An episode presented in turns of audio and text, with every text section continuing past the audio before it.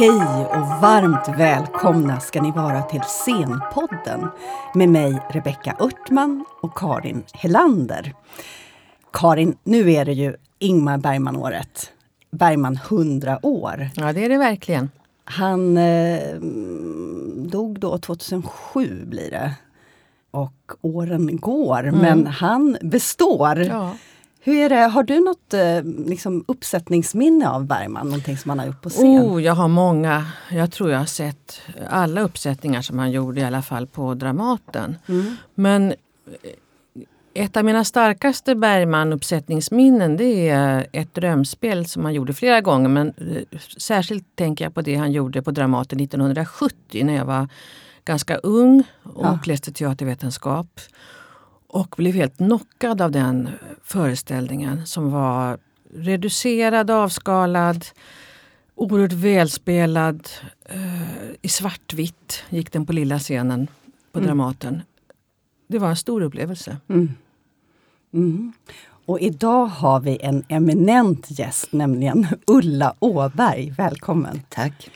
Ulla, du har jobbat i, ja hur många år är det? 40, 40 år eller? 44. 44 år eh, på Dramaten och i nära samarbete med Ingmar Bergman. Ja, det har jag gjort. Berätta mera, vem, vem är du? Jag kom till Dramaten 65. Mm. 66 var det kanske. Mm. Eh, och jag minns den dagen väldigt väl för det var sista genrep Motor Collage på stora scenen. Ja, Brecht. Brecht-föreställningen med Margareta Krook i huvudrollen. Och eh, jag arbetade då på något som heter Teatersekretariatet. Mm. Det fanns inskrivet i Dramatens ursprungliga reglement Mm. att teatersekreteraren var teaterchefens närmaste rådgivare i frågor rörande eh, allt som hade med val av pjäser, rollbesättning, val av översättningar, klassiker och sånt att göra. Mm. Och teatersekreterare då var Niklas Brunius, Mhm. teaterchef Ingmar Bergman. Och hans rum låg vägg i vägg med vårt rum. Mm. Och vårt rum, vilka, vilka är det? Det var Niklas och mitt rum. Ja. Och det var ett litet, litet, litet rum Ja. på fjärde våningen. ja. Nej, tredje våningen var det faktiskt. Det, idag är det perukavdelningens verkstad som har de här rummen. Mm. Och eh, vårt rum var ett genomgångsrum. Mm. Så att man kunde gå igenom peruken Mm. Från ena hållet och sen ut och hamna hos Ingmar Bergman. Mm. och eftersom det var den snabbaste vägen till Bergman Ja. så var det ju en ström av människor som, Som passerade som er. passerade vårt rum varje dag. Ja. Det var ju verkligen ett fantastiskt sätt att lära känna alla på teatern. ja. Det var fart och fläkt. Mm. Och på den tiden så var det stora och lilla scenen. Mm. Ingenting mer. Mm. Allting fanns inne i huset. Alla verkstäderna, allting. Mm. Alltså vi hade inga utrymmen utanför. Så det var trångt, trångt, trångt och Ja. små, små rum. Och man satt, vi satt på varandra i stort Ja. sett. Och den stora personen jämte Ingmar, den som till och med var större än Ingmar, det var ju Alf Sjöberg. Mm. Som totalt dominerade repertoaren. Också en legendarisk regissör Ja. mm, på Dramaten. Och som var också för väldigt förknippad med Dramatenhuset, Alf Sjöberg. Han var väl Absolut. nästan bara på Dramaten. Ja, han var alltså en del av Dramatens blodomlopp, som jag brukar kalla det för. Mm. För att när jag började, då var scenskolan fortfarande kvar i huset. Och det var ju fantastiskt liksom, när alla de här ungdomarna som strömmade in och de skulle göra sina eh, prover och de skedde på stora scenen. Och, eh, det, var, det var ett myller utan like under några veckor när ansökningsperioden var. Så att Alf Sjöberg han hade ju börjat på scenskolan och sen som därifrån vandrat vidare in på teatern som skådespelare Mm. och därifrån gått vidare som regissör. Mm. Och det var det här som är Dramatens blodomlopp för att nästan alla som arbetade som skådespelare kom ju ifrån elevskolan. Mm. Så att eh, när jag började där så var ju liksom 1800-talet lika närvarande som 1966 i, som folk pratade. Ja, Ordet tradition var det aldrig någon som tog i sin mun. nej. Utan det var så att säga, Man levde man i levde i den. Ja, just det. Men hur var det, då var Alf eh, Sjöberg på toppen Ja, och det så var var det verkligen. Ingmar Bergman. Och så kom Ingmar Bergman Ja. in. Och, och så satt ni där i, i, Ja. i mitten av korridoren kan man säga. Absolut. Eller, Men då var han ju också chef Bergman och Ja, han var var ju inte chef så väldigt många år, tre eller så va? Tre år. Och, hur, och då var han ändå ganska ung och hungrig, Bergman. Ja, han hade, väl- han hade väl kommit dit med någon slags uppdrag att förnya teatern. Mhm. Så han tog dit Niklas Brunius som var då teatersekreterare och oerhört kunnig. Och jag hamnade där för att jag läste teaterhistoria på Linnégatan för Gösta M. Bergman. Med Rune Waldekrantz som professor i film, som också det var parallellt. Mm. Och sen jobbade jag på Drottningholms bibliotek som låg en trappa ner. Mm. Så jag sprang upp och ner och upp och ner hela tiden. Teaterinstitutionen låg på Linnégatan där. Ja, okej. Linnégatan 7. Ja, ja, ja. Vad gav det dig att, att göra det arbetet? Det gav mig jättemycket. För det första så är det ju... Eh, jag märkte ju ganska snabbt att när Sjöberg kommer in, eller Ingmar Bergman kommer in och börjar prata, så märkte jag ju på en gång, alltså här har jag människor. De har läst allt om Molière, de har läst allt av Shakespeare, de har läst alla antika dramer, de kan Almqvist på sina fem fingrar. Det var bara att fejsa verkligheten. Ska jag kunna sitta kvar på det här jobbet så måste jag ta mig igenom. Då gjorde jag så att jag tog en författare i taget. Jag började med Strindberg. Tvärs igenom alltihopa. Och vad det gav mig, det var det att jag verkligen såg, när man tog dem i kronologisk ordning, så såg jag hur det som var fröet till en liten någonting i ena pjäsen kunde ett år senare bli dödsdansen. Det. Att det är alltså hur, hur de fick upp spåret på någonting som var ett bispår men som sen växte och blev hela pjäsen Ja, efteråt. ja, att, Men du, när du, du säger att både Sjöberg och, och Bergman då var så belästa och kunniga liksom i, i pjäshistorien. Vad var det som fick Bergman att nappa då på de pjäser han ville sätta upp? Vad fanns det i en pjäs som gjorde att han tänkte att det här han hade ju långa göra? listor. Du såg, jag visade Ja. dig en lista att han hade ju alltid väldigt många förslag på gång. Mm. Ja, du kan, ju- vi kan titta på dem, för du, Ulla hade med sig listor som Bergman skrev. De här pjäserna Ja. vill jag sätta upp. Och så Ja, en lång lista på olika. Ja. Och var det det, nya varje år eller var det... det, kom, det lades till och det drogs ifrån. Ja. Eh, Vil- Vilka har du på den där listan som du har framför dig? Jag har eh, Schnitzler som jag älskade. Mhm. Han återkom alltid till Schnitzler, satte inte upp honom så mycket men han talar ofta om honom. Marivaux, Kärlekens triumf, Goethe, Stella, Blanche, Strindberg, Ibsens Per Gynt, Rosmersholm, O'Neill, Klagan om Elektra, Shakespeare, Vintersaga, Cymbeline, Pirandello, Brechts bal, Värmlänningarna, Oväder, Till Damaskus 1-3, eh, Claudel, eh, Gombrowicz, Hoffmans äventyr, Då tänker jag bara när man hör de där titlarna så tänker jag att en del har, blev ju föreställningar Ja, sen. oh ja. Och andra blev det inte. Och vad var det då som gjorde att han gjorde Per Gynt men inte någonting annat på den där listan som han inte gjorde? Ja, till exempel här har jag en annan lista där han har jag har bara gjort såna här radanteckningar. Men till exempel, han säger Butterstrapsparken skulle han vilja göra och sen efter det står det Målarsalen. Det tyder på att ska han lägga sig på Målarsalen då är det här en av de pjäserna som är tänkbara. Mm. Eh, han talar om Morbror Vanja och där har han skrivit in Börje Ahlstedt. Mm. Alltså, ofta gjorde han kopplingar. Eh, Körsbärsträdgården, där har han skrivit in Erlands namn. Ellen Josefsson? Ja, Erland Josefsson. Det här vet de själva inte om kanske, förmodligen, förmodligen inte. Mm. Han får en, en idé och en Ja. skådespelare som han Men rollsättningen måste ha varit väldigt viktig då, förstår man också. Ja, eh, till exempel så skulle han gjort eh, En midsommarnattsdröm. Och där, var, där körde det fast på några roller. Han sa alltid att stora scenen, då är varenda, varenda roll är livsviktig. Det får inte fallera på en enda punkt. Ska föreställningen hålla ihop så måste det vara rätt person i rätt roll. Eh, och fick han, då blev Hamlet istället. Mm. För han fick inte ihop det. Mm. Tjechovs tre systrar pratar han ofta om. Mm. Han hittade aldrig någon som kunde göra Virginin. Som han tyckte var just Mm. tillgänglig för det tillfället. Mm. Och då föll den bort även om han älskade pjäsen. Mm. Och på en stor teater som Dramaten, då med två scener. Mm. Och mycket kort produktionstakt och mycket premiärer. Det var premiär var femte vecka på några av scenerna.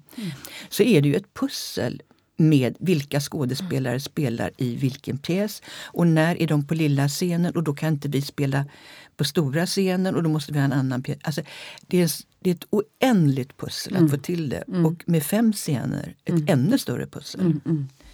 Och sen herrarna Sjöberg och Bergman, de, de liksom gick ju lite grann i cirklar omkring varandra. Jaha, mhm. Om Alf skulle vara på lilla scenen då ville Ingmar vara på stora. Eller tvärtom. och Ingmar jobbade inte med Shakespeare så länge Alf var i livet för han tyckte att Alf Sjöbergs Shakespeare-uppsättningar de var ju legendariska. Du, jag tänker på, om man nu ska... eh, Under det här Bergman-året så pratar vi mycket om Ingmar Bergman och inte minst Ingmar Bergman som filmregissör. Men Ingmar Bergman som teaterregissör är minst lika intressant.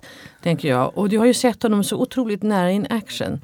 Vad skulle du säga är det som mest utmärker Bergman som teaterregissör? Vad var hans specifika?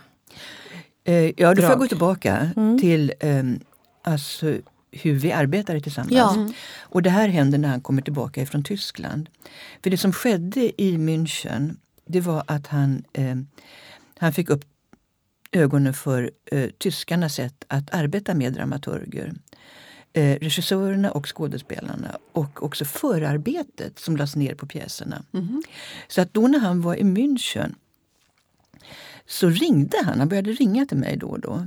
För det här var ju mitt jobb, att ta fram också bakgrundsmaterial till produktioner. Så om han skulle jobba med någon så brukade han ringa och fråga vad jag hade. Eh, här, vad hade jag till exempel när det gällde Tjechov eller vad hade jag när det gällde Strindberg? Och sen så ville han veta vad som hände på teatern, vilka pjäser som var premiär, hur de hade gått. Och eh, han var intresserad även utav vad vi skulle komma att spela. Det nyskrivna svenska intresserade honom mycket.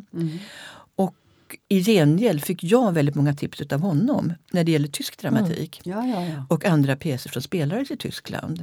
Och eh, den här författaren ska hålla ett öga på. Här, det här kommer att komma, så det här är någonting. Och Helt enkelt bara Ett informellt ett eh, informellt men så, ja, men så arbetade jag ju med alla regissörer. Ja. Jag menar, de kom ju inte med allihopa när de ville ha bakgrundsmaterial. Ja. Och även till andra teatrar ibland så dök de upp. Om det var en teater som inte hade någon dramaturg och frågade om jag hade någonting eller om jag kunde hjälpa till. Men menar du att han inte gjorde det på samma sätt innan han åkte till Tyskland? Nej, han hade en väldigt hög produktionstakt innan. Bara när han var chef satte han upp åtta stycken pjäser. Och det är mycket på tre år. Han hade ju till godo vad han visste om Ibsen och vad han kunde om Strindberg. Och det var inte så lite kan jag säga. Så sen när han kom tillbaka, och då skulle han sätta upp Kung Lear. Shakespeare. Shakespeares Kung Lear. Och den var ju aldrig spelad förut. Och ska man göra en Shakespeare då måste man ju ändå ha en framförhållning på två år. För att ska... Eh, nu, nu lever ju svensk teater på väldigt mycket äldre översättningar som är gjorda. Eh, men man måste ha tid för översättning. Och i det här fallet var det Britt G. Hallqvist då som, eh, som skulle översätta den. Britt hon fick, hon fick direktivet av Ingmar. Det skulle vara talbart, det skulle vara spelbart, det skulle vara begripligt. Men hon fick inte göra några eftergifter, det skulle vara Shakespeare också. samtidigt. så, Ja. så att, eh, och det skulle vara på vers ja, och musikaliskt. såklart. Såklart. eh, så att eh, sen när översättningen kom Ja. eh, så satte vi oss ner. Först var det Herbert och Ingmar och jag tillsammans och gick igenom översättningen, läste igenom den noggrant. Och sen så kom Britt G. Hallqvist till Stockholm. Hon var två veckor i Stockholm. Och vi satt med henne varje dag. Och även tänkte jag backa när ni, sa- du säger att ni läste Herbert Grevenius och du och Bergman noggrant. Och då betyder det inte noggrant att man läser noggrant och så har man läst igenom det på fem timmar utan ni satt hur många, alltså, många dagar och läste? Nej, vi satt och gick igenom för att vi skulle stämma av med varandra vilka frågor vi skulle ställa till Britt. Ja. Om det var ställen som var oklara eller om det var någonting där vi kände att eh, här finns det mera att hämta upp i pjäsen. Och sen när vi satt med henne då satt vi med varsitt engelskt exemplar. Vi hade den kommenterade Ardenutgåvan eh, bredvid oss. och det var då jag kom, märkte att, eh, bara som en enkel detalj, för att allting blir ju så stort på scenen. Och det är när, eh, nu kommer jag inte ihåg vad rollen heter plötsligt bara för det. Mm. Men han säger, ja det är sant, att komma till mogna det är allt. Och då säger den blinde eh, Gloucester, ja det är sant. Men hos Shakespeare står det, ja det är också sant. Mm. Och att det där lilla också skulle in. Just det. Mm. Och det, det, är sånt där detaljarbete ja. Ja. Eh, när det gäller alla översättningar mm. så, som är så otroligt viktigt. Mm. För att för skådespelaren sen, där är varje ord mm. är ju mm. Det är en ton som mm. slås an. Men hade han lärt det, sig det här sättet att arbeta från Tyskland menar du? Att var, var... Så noggrann med texten? Ja precis, att ta in författaren jag tror att med åren så kände tidigt. han att eh, med åren så gjorde han ju färre och färre produktioner. Mm. Alltså han störtade inte från en produktion till en annan och sen hade en film däremellan. han har alltid varit väldigt, väldigt noga med text, det märker man när han skriver. Det visar sig nu att han skriver ju varje, varje dag. Alltså han skrev varje, varje dag. Och eh, tränade upp alltså en enorm sensibilitet när det gäller texten. Mm. Sätter man upp en Strindberg, då är det så att säga Strindberg som uh, tar hand om alltihopa. Mm. Man mm. gör lite strykningar mm. men det är mm. Strindberg som, som tar ansvaret för texten. Mm. Men varje översättning måste ju också landa i, i den tid den görs. Mm. Översättningar åldras ju väldigt mycket. Mm. Jag tänker, för man tänker inte alltid på det, det där textarbetet. Jag såg det var någon, om det var Ingmar Bergmans dagbok, dagbok som när ni höll på med Misantropen, Molières mm. Misantropen som också var en översättning av Hans, Hans Alfredsson. Ja. mm. Att och då står det liksom dag för dag så här.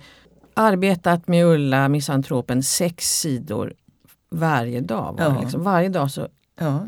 orkar man med sex sidor. Ja, vi satt mellan 10 och 12 varje dag.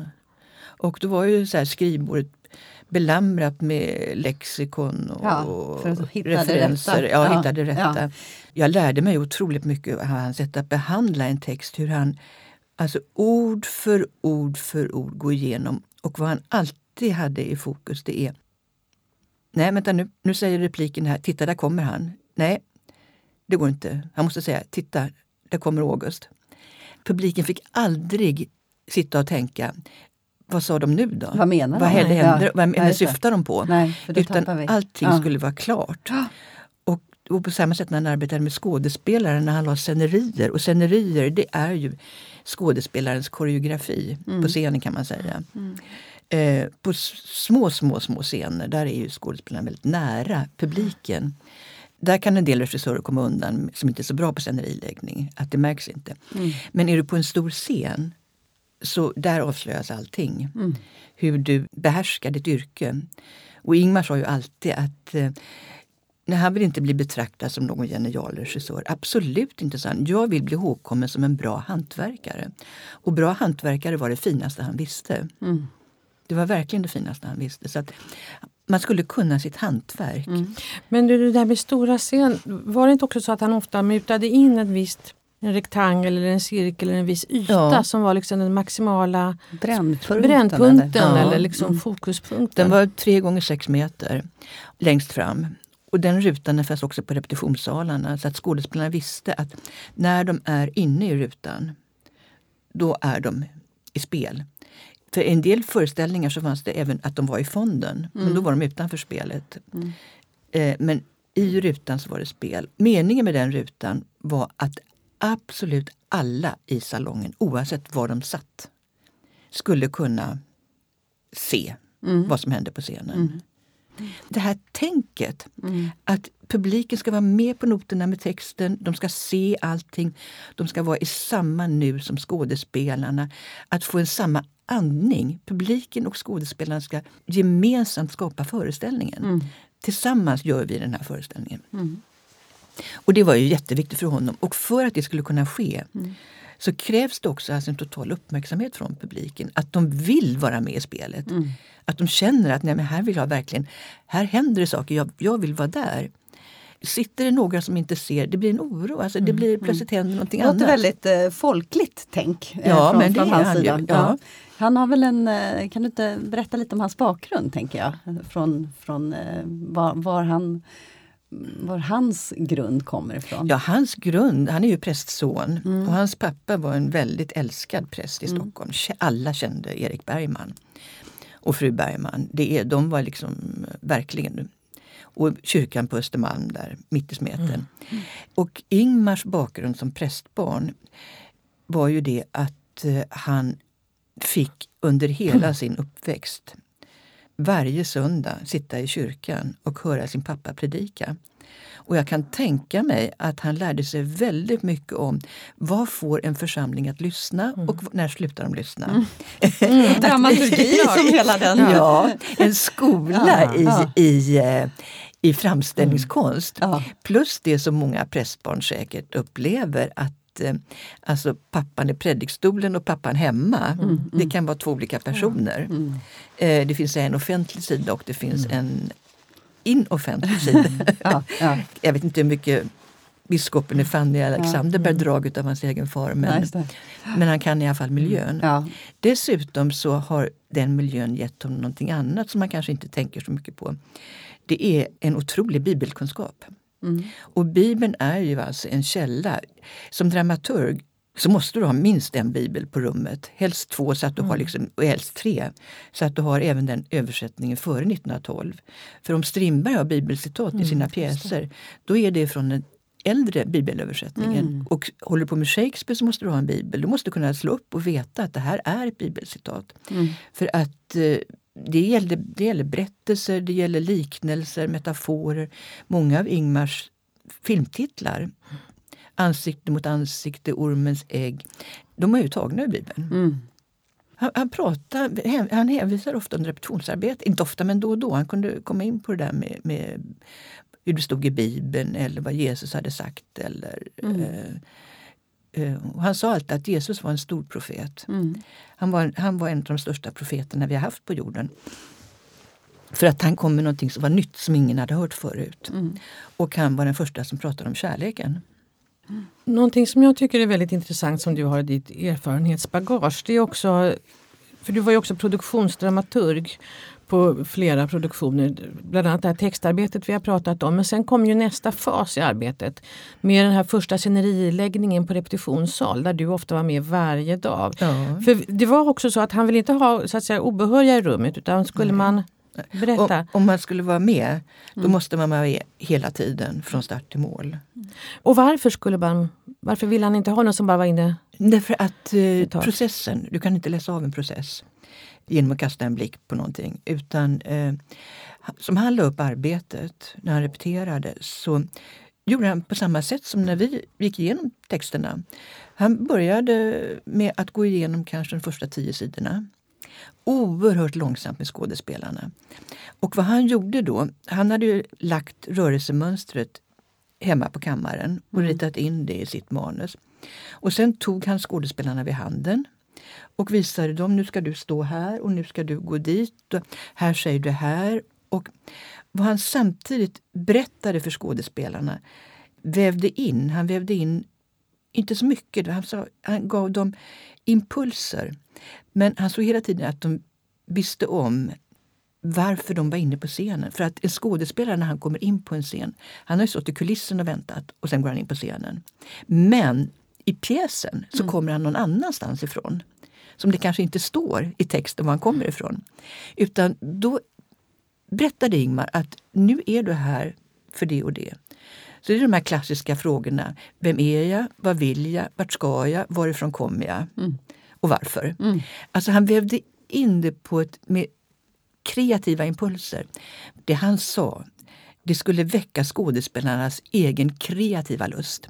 För det är de sen som går hem på kammaren och det är de som gör sin egen analys av rollen och det är de som hittar rollens tonfall och alltihopa. Hur skådespelarna gör det, det är varje skådespelares hemlighet egentligen. Mm. Hur de hittar in i eh, rollen. Utan han var bara ute efter att dels ge dem tillgång till de kreativa nycklarna för att komma in i rollen, komma vidare. Och dels scenerierna skulle ge dem en lust att ta kontakt med publiken. Mm. Skapa en lust att få med publiken i spelet. Mm. Så säga, det var hans bas när han arbetade. Det har kommit en ganska ny eh, dokumentärfilm om Gunnel Lindblom som har arbetat mycket med Bergman. Både på film och på teaterscenen. Hon sa att vad hon tyckte var så attraktivt att jobba med honom var att han inte la så mycket repetitionstid just på repsal för Nej. långa analyser eller Nej. prat utan att det var så väldigt konkret. Ja, väldigt konkret. Det finns de som kan prata sönder en pjäs och analysera sönder en pjäs. Och speciellt om det finns en massa osäkerheter i en process så kommer man ofta runt osäkerheterna tillfälligt, man lurar sig själv. Genom att börja säga, men vad menar hon egentligen och vem är hon egentligen? Och varför gör han så här mot henne? Och sådana frågor uppstod aldrig under en repetition med Bergman. Därför att det var ingen som behövde ställa dem. Alla visste svaren.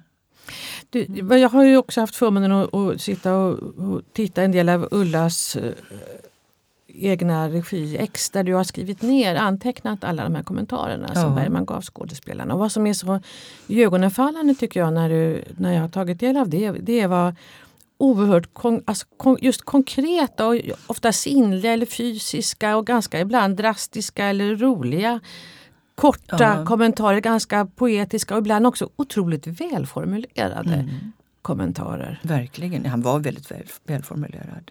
Men kunde det hända, jag vet ju också skådespelare som har sagt att det här att man får scenerierna, att man går in så att säga scenerierna, det första man gör i en Bergman-uppsättning, Mm. att det är väldigt befriande för man, man växer sen in scenerierna. Man, först förstår man dem kanske inte varför de är lagda stilar så, men man växer in i det, just man använder sin egen fantasi också såklart. Men att det liksom blir organiskt. Men hände det aldrig att det fanns skådespelare som liksom gav motstånd så att nej men varför Alfriden ska jag gå till höger när jag borde sitta kvar här borta Jo, då, nej, men det hände, men ytterst sällan. Men för det mesta så skedde det så att eh, han lyssnade väldigt mycket, Ingmar.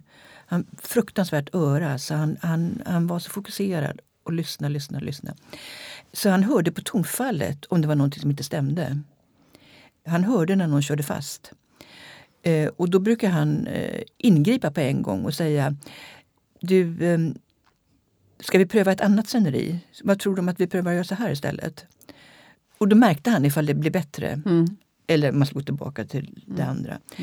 Alltså vad han också hade som faktiskt ingen annan har, vad jag vet, jag har i alla fall inte varit med om det på samma sätt med någon annan regissör. Det var att han betraktade alla som arbetade med en produktion, alltså absolut alla, som en, som en del av en stor orkester.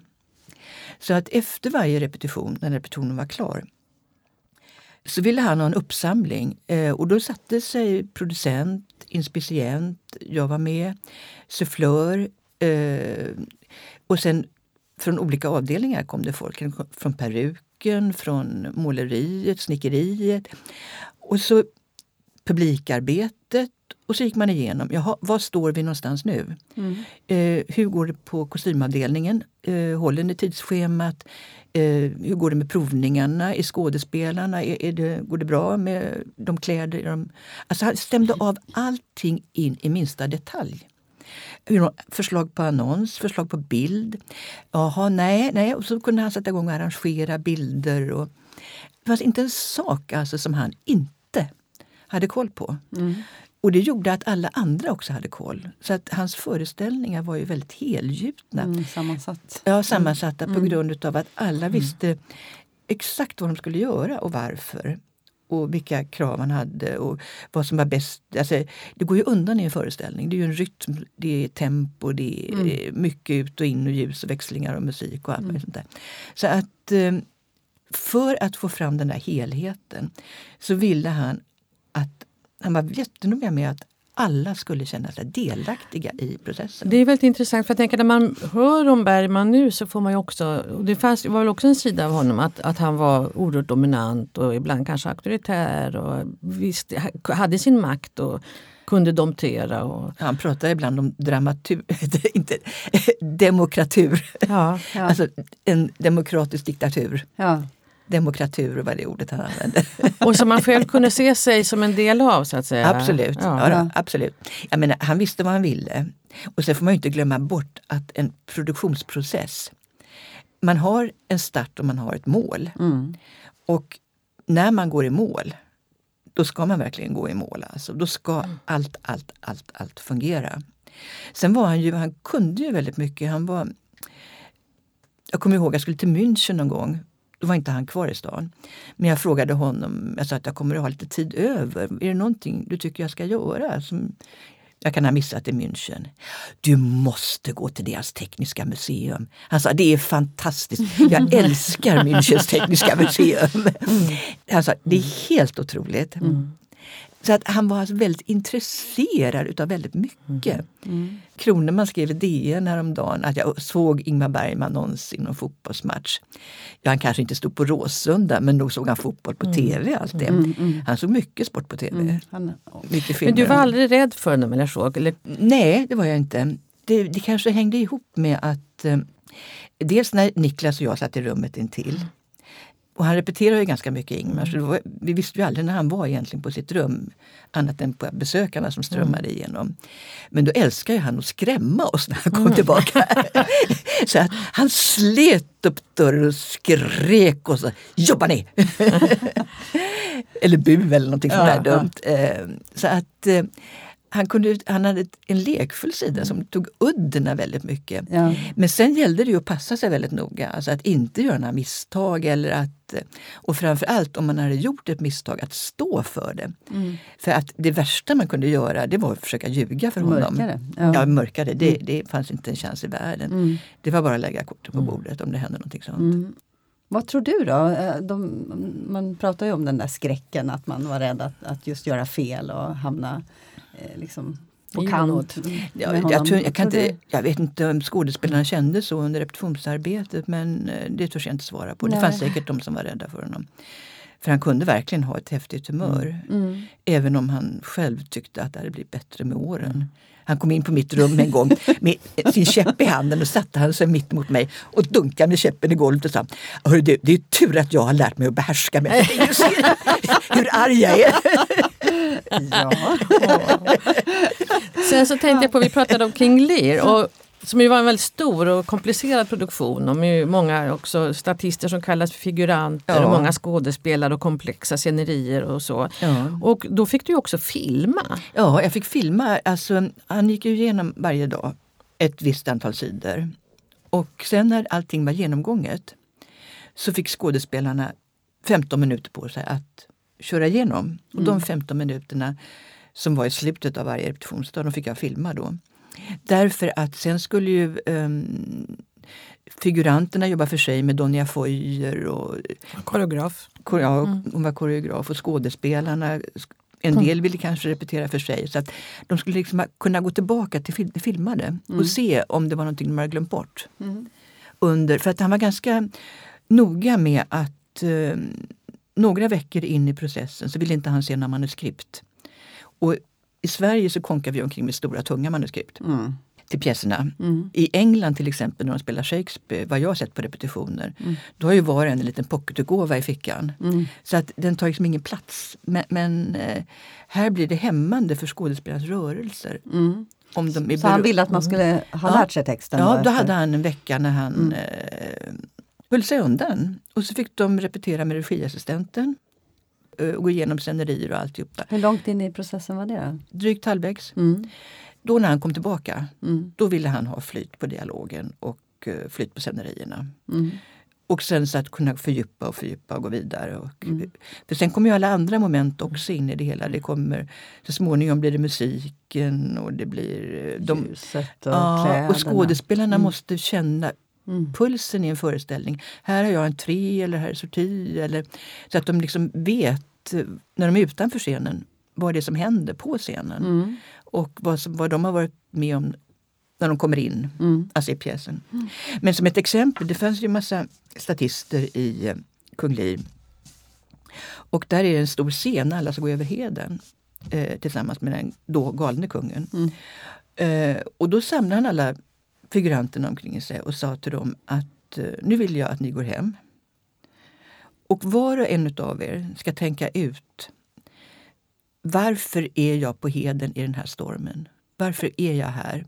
Varför går jag här? Och ni ska hitta på en egen historia. Ni ska ge er själva ett namn och ni ska hitta på en egen historia kring eh, anledningen till att ni är på den här heden.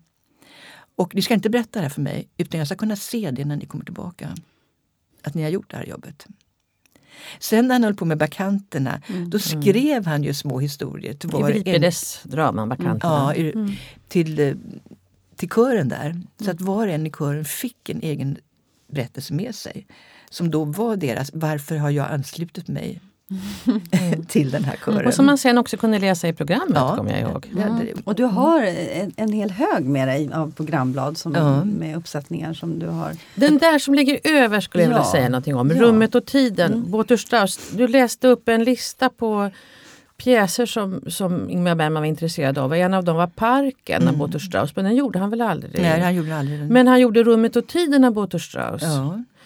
Och den har vi tittat lite på nu på DRFI-exet och otroligt intressant. Och vad som är intressant med den pjäsen och också hans läsning av den tycker jag att, den, att han gör den som ett, att den är, men han förstärker att det är ett slags drömspel. Att det Ja. finns en drömspelsdramaturgi. Det är liksom mycket Strindberg-dramaturgi i rummet och tiden. ja, verkligen. Och det, den är, vad som händer i pjäsen är inte alltid så lätt att läsa sig till själv. Utan eh, han följer då Marie Stoiber, som hon heter, huvudrollen. Hennes liv och hennes relationer. Och det är ingen kronologisk ordning i pjäsen. Utan den, eh, ibland är det bakåt i tiden, ibland är det framåt. Hon har gjort, eh, hon har väl gjort två självmordsförsök och kommer förmodligen att göra ett tredje. Som det är utformat i pjäsen. Det var väl den av hans föreställningar som egentligen nästan den enda som inte slog till så där våldsamt med publiken. Eh, de tyckte att den var lite för abstrakt. Eller, de som tyckte om pjäsen och förstod den, de var väldigt förtjusta i föreställningen. Jag minns den jätteväl. Jag var, det, den jämte då Drömspelet från 1940, Rummet och tiden tyckte jag var helt fenomenal. Det var med ganska ung Lena Endre också Ja. som Marie Stoiber. Det var det. Men det är också, det är också manus eh, med i programbladet. Det Ja. känns ju inte som, Ja, som, som vanligt. Nej, men han, vill, han ville att publiken eh, skulle helst läsa pjäsen innan.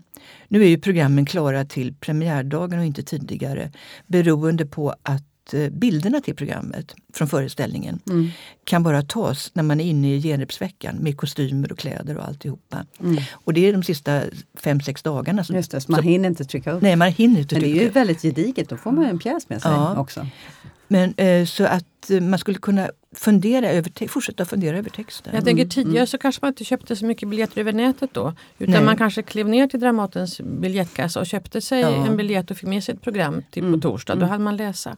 Men sen i den här högen ligger också ett Per Gynt-program som ju inte bara är texten utan också texten som är väldigt otroligt bearbetad. Man kan se alla strykningar, förflyttningar Ja, det är ju en lång pjäs. Det, är ju en, eh, det var egentligen ett läsdrama från början. ja. Ja.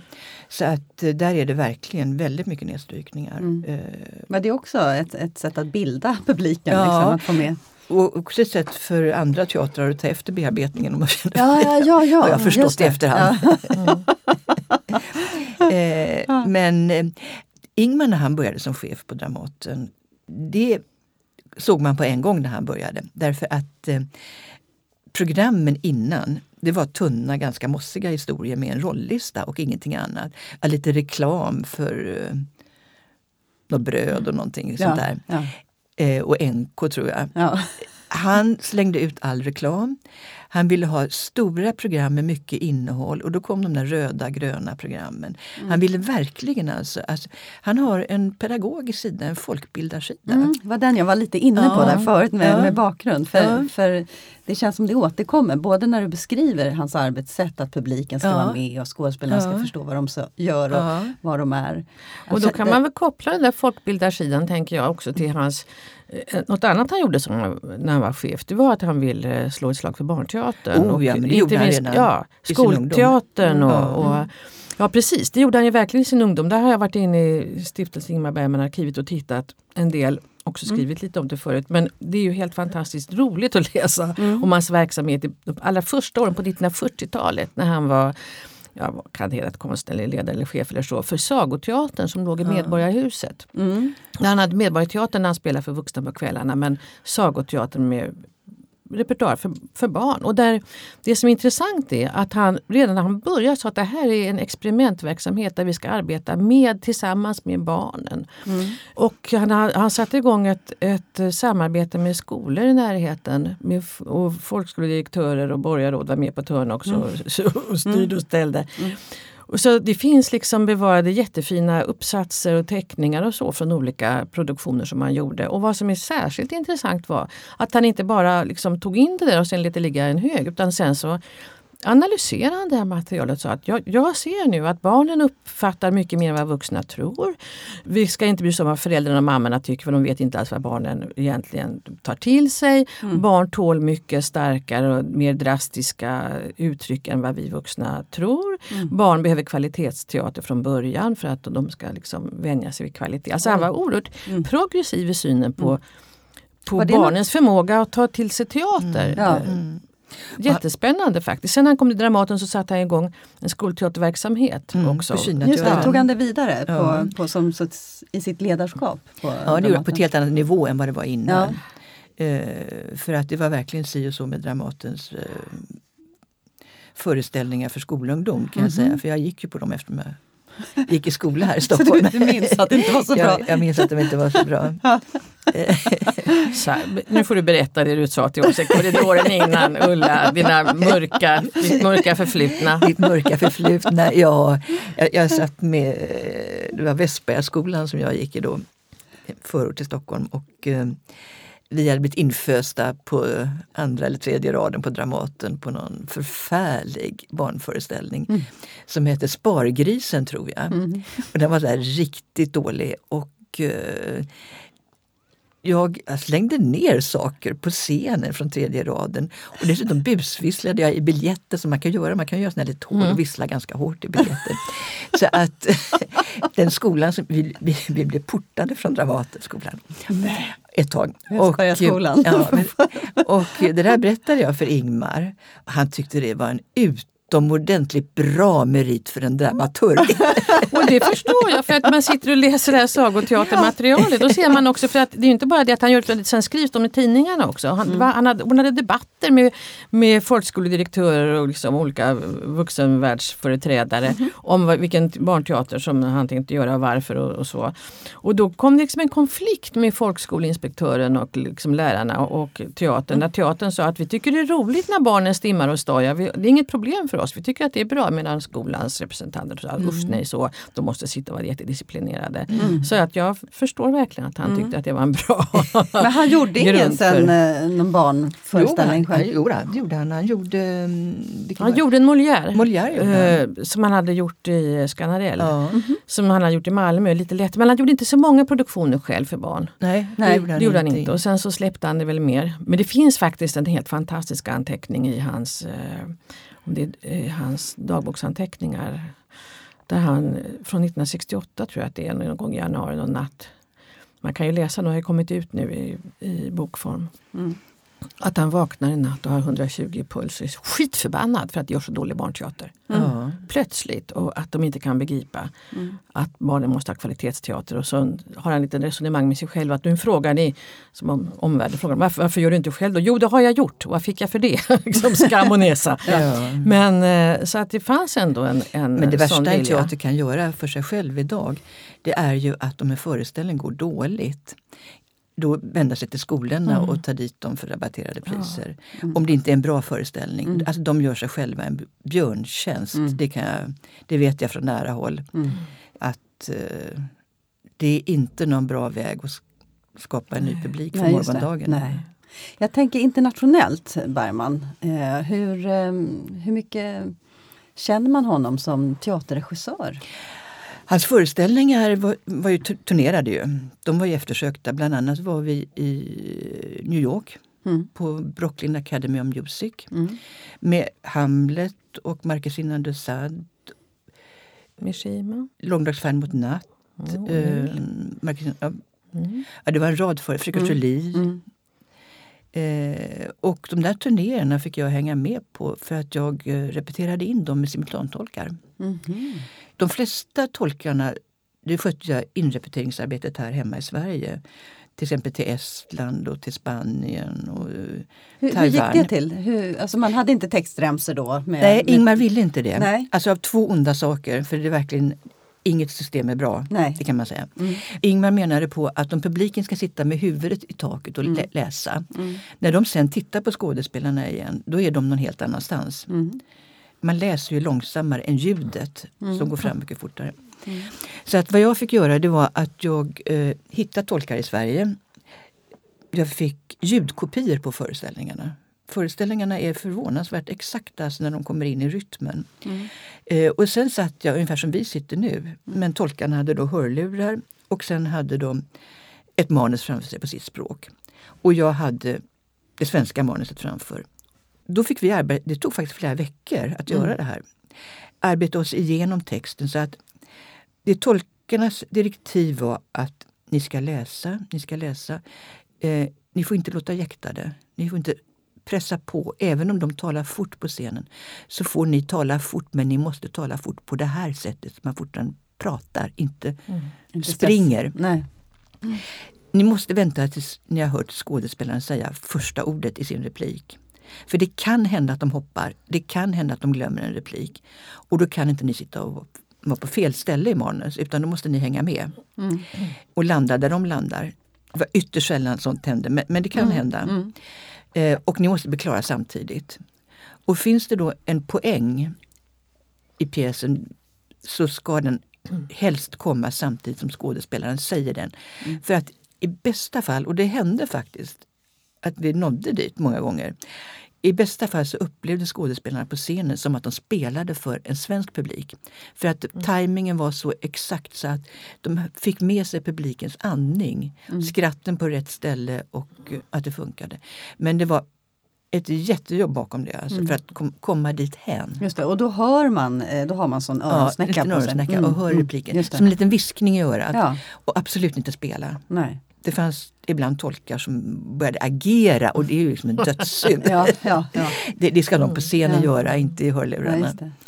Men, det, men den internationella publiken har ändå en slags erfarenhet en del av, av honom som teaterregissör. Ja. Annars tänker jag att det är filmen som är det det de. stora. Framförallt alltså på festivaler, teaterfestivaler. Mm. Sverige är ju ganska dåligt på att eh, ta hit teaterbesökare Det utifrån. finns ju en Bergmanfestival. Ja, nu har, nu har det kommit en Bergmanfestival. Men, eh, Men ja. just det här med filmen då. Vad, vad tänker du att han har tagit med sig från, från filmen Jag tror att eh, till teatern? fruktansvärt tidsmedvetande. Alltså, jag menar sekunder och minuter. Att eh, film var ju dyr råvara på den tiden och eh, det gällde att handskas väldigt eh, ordentligt och kunna verkligen ha tajmingen klart för sig, hur långa scenerna är och Mm. alltihopa det. Mm. Att eh, han var exceptionell på, på att ha en känsla för. Han tittade aldrig på klockan. Eh, började, repetitionerna började prick klockan 10.30. Och för de flesta andra så, så kommer folk liksom släntrande till repetitionerna med en kopp kaffe i handen och så börjar man småprata och sådär. Ingmar kom i regel klockan 10 till repetitionssalen. Satte sig utanför den. För det mesta satt han alldeles ensam då, inte en människa där. Och sen så småningom kom skådespelarna och eh, alla visste vad som gällde. Eh, småprata, vad såg ni på tv igår, var det bio, är allting okej hemma? Så allt det där småpratet. Det fick klaras av. Sen kom inspicienten och öppnade dörren och sa nu börjar vi. Rakt på jobb. Mm. Och det var liksom, då, då lämnar man allt det andra utanför. Mm. Disciplin i, i Ja, arbets- men det skapar också en väldig Mm. koncentration Mm. och en kreativitet. Mm. Och sen märkte han att när nu är de lite, lite trötta, nu tog han en pedagogisk paus. Som betydde att han berättade en rolig historia eller fick något infall eller satte sig på golvet. Och, ja, någonting sånt där på en fem, tio minuter. Och sen tillbaka i jobb igen. Och sen alltid prick när det var en kvart kvar. Så, ja, nu kör vi igenom. Och då var det exakt vad som var gjort under dagen. Och det var, tajmingen var sådär så att det var på sekunden. Nu är reptiden slut och då var alltihopa klart. Mm. Och han hade hur, kortare repetitionstider eller? Han Nej. höll på sina tre timmar eller är det en myt?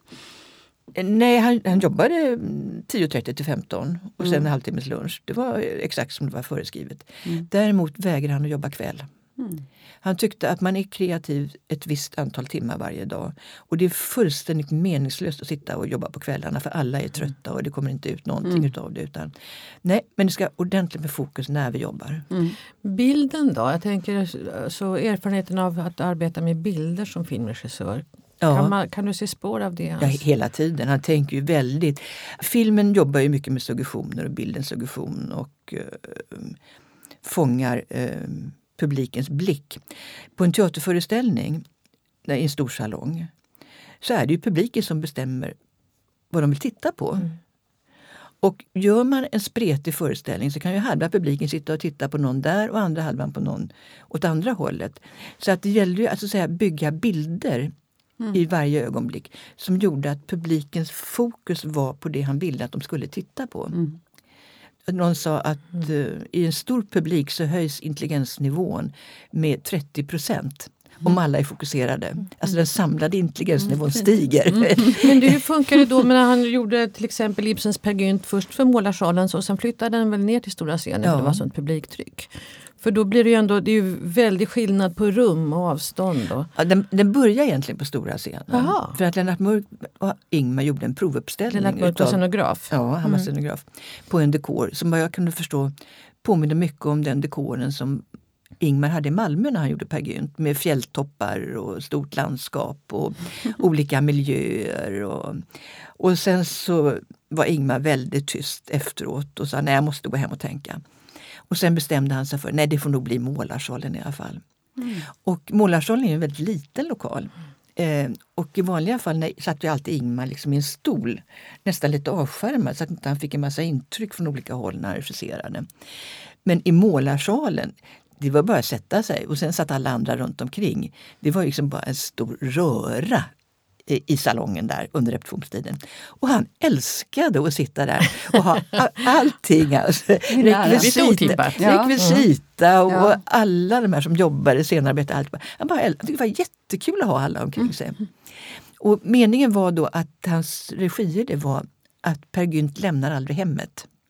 Den här plattformen som svängde av han eh, och som började som Moroses säng där hon dog. Och, eh, det, det, är alltså Per Gynt han är en diktare som ger sig ut i världen i sin fantasi. Men egentligen så har han, all, han, han, aldrig, han har aldrig växt upp och han har aldrig kommit hemifrån.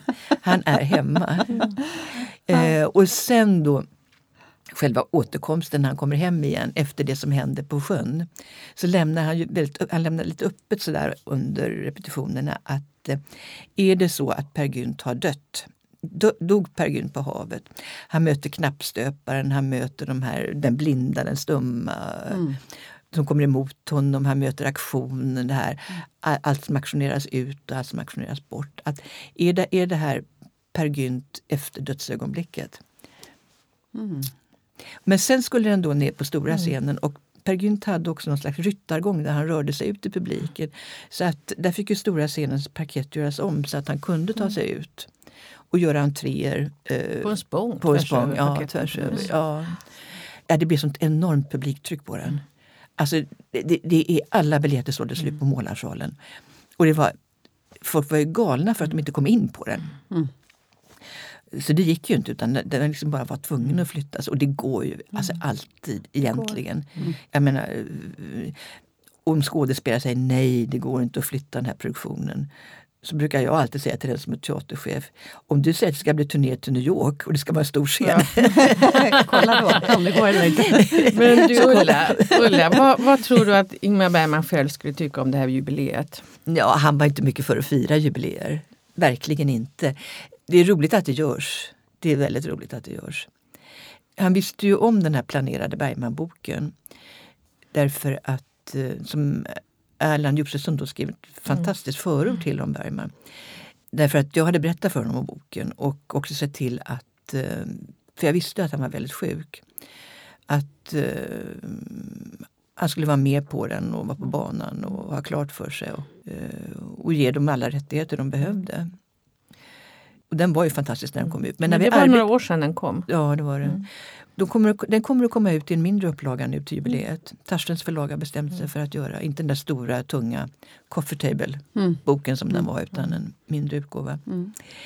men vad jag märkte då när vi höll på med boken, det var ju Bengt Vanselius och det var, Som var fotograf. fotograf och det var Birgitta Stene, forskare, professor, film. Och Paul från England som redigerade materialet. Så var det ju det att fokus var ju på filmerna hela tiden. Birgitta och jag har tagit fram ett jättematerial kring teaterföreställningarna. Så att de löper som en slags kronologi i botten på boken.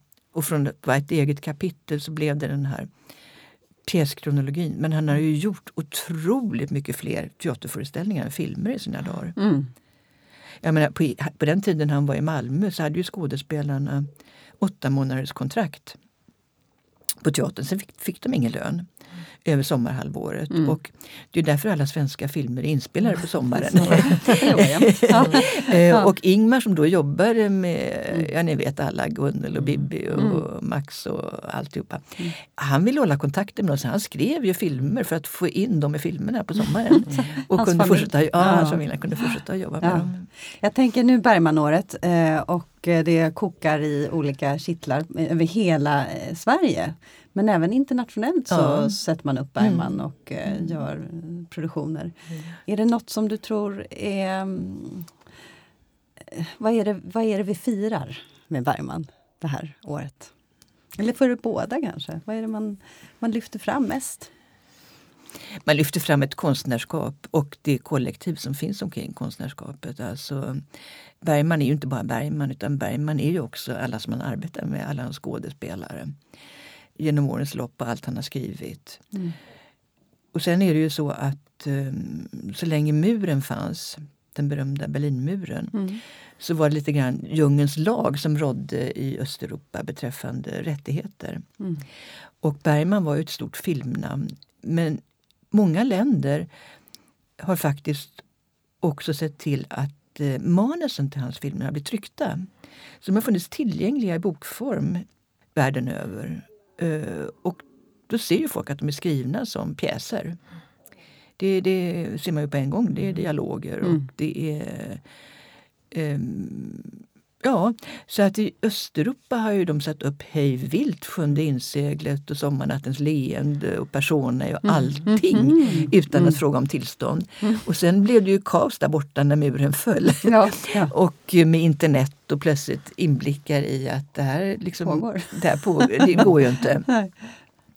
Och Ingmar som först var väldigt restriktiv med sina rättigheter, han släppte ju mer och mer på det. Och att jag blev inkopplad på det, det berodde ju på att Ingrid, hans fru, Mm. hon hade ju skött all hans korrespondens när hon levde. Och sen när hon gick bort så kom Ingmar in på mitt rum och så sa han att eh, kan inte du hjälpa mig att svara på de här breven? Och så slängde han en hög brev på bordet. Ja, så vad ska jag svara för någonting? Ja, det är jätteenkelt, han. Du bara säger nej. och så öppnade jag breven och började läsa dem. Ja. Och det var den ena teatern efter den andra som bönföll om att få spela hans pjäser. Ja. Och, göra. Och, Mm.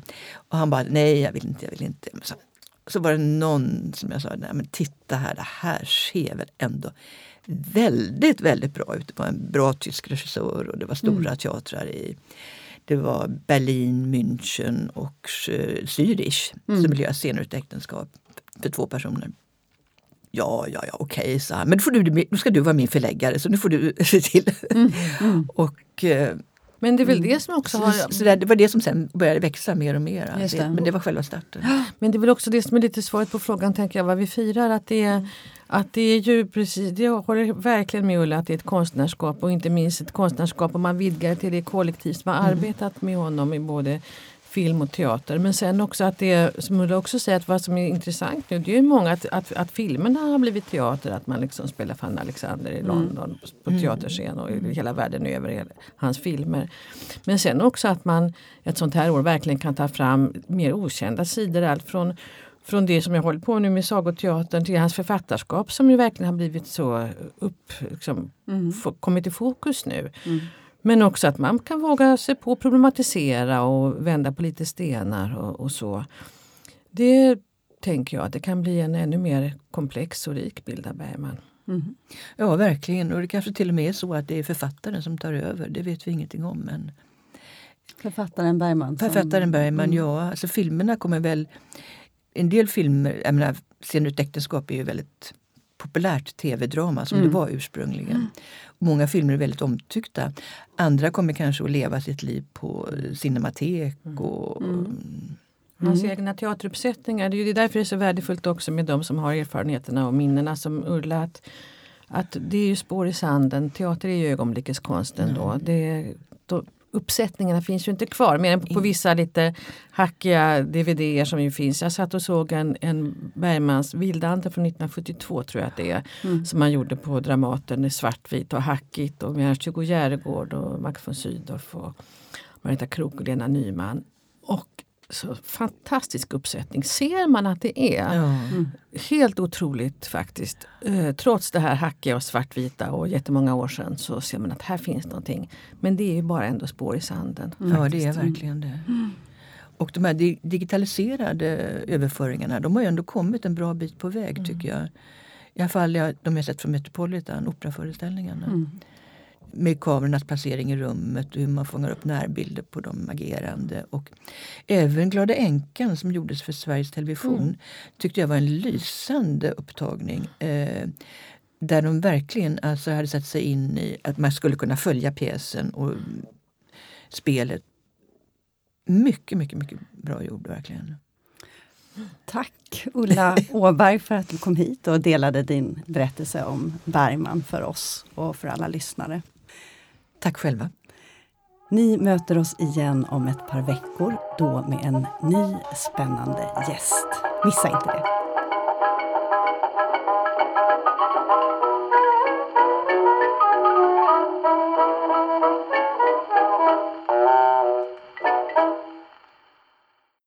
Du har lyssnat på Scenpodden, en podcast från Rats Teater och Humanistiska fakulteten vid Stockholms universitet.